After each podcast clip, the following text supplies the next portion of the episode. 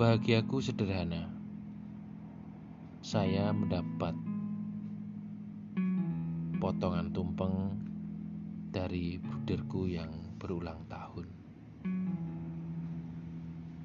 Memang hanya potongan tumpeng. Tetapi bagiku ini adalah sapaan Tuhan. Aku bersyukur karena bruderku yang hari ini merayakan ulang tahun ke-82 adalah bruder yang luar biasa. Aku mengagumi beliau karena kesetiaan, ketekunannya, dan terlebih walaupun Mas sudah di usia senja, apa-apa yang disaringkan beliau sungguh menginspirasi dan meneguhkan saya lebih-lebih dalam sharingnya di hari ulang tahunnya ini. Beliau mengatakan bahwa masa lalunya itu menjadi sarana, jadi jalan untuk dia tetap setia tekun dalam panggilannya menjadi buder. Masa lalu yang bagi beliau adalah masa lalu yang tidak mudah karena di usia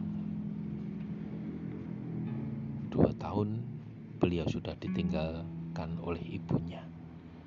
Tetapi dalam peristiwa itu akhirnya dia menjadi pribadi yang mandiri dan sampai sekarang tetap setia menjadi buder dibentuk oleh kondisi situasi masa lalu. Lalu aku juga menarik dalam peristiwaku di masa lalu.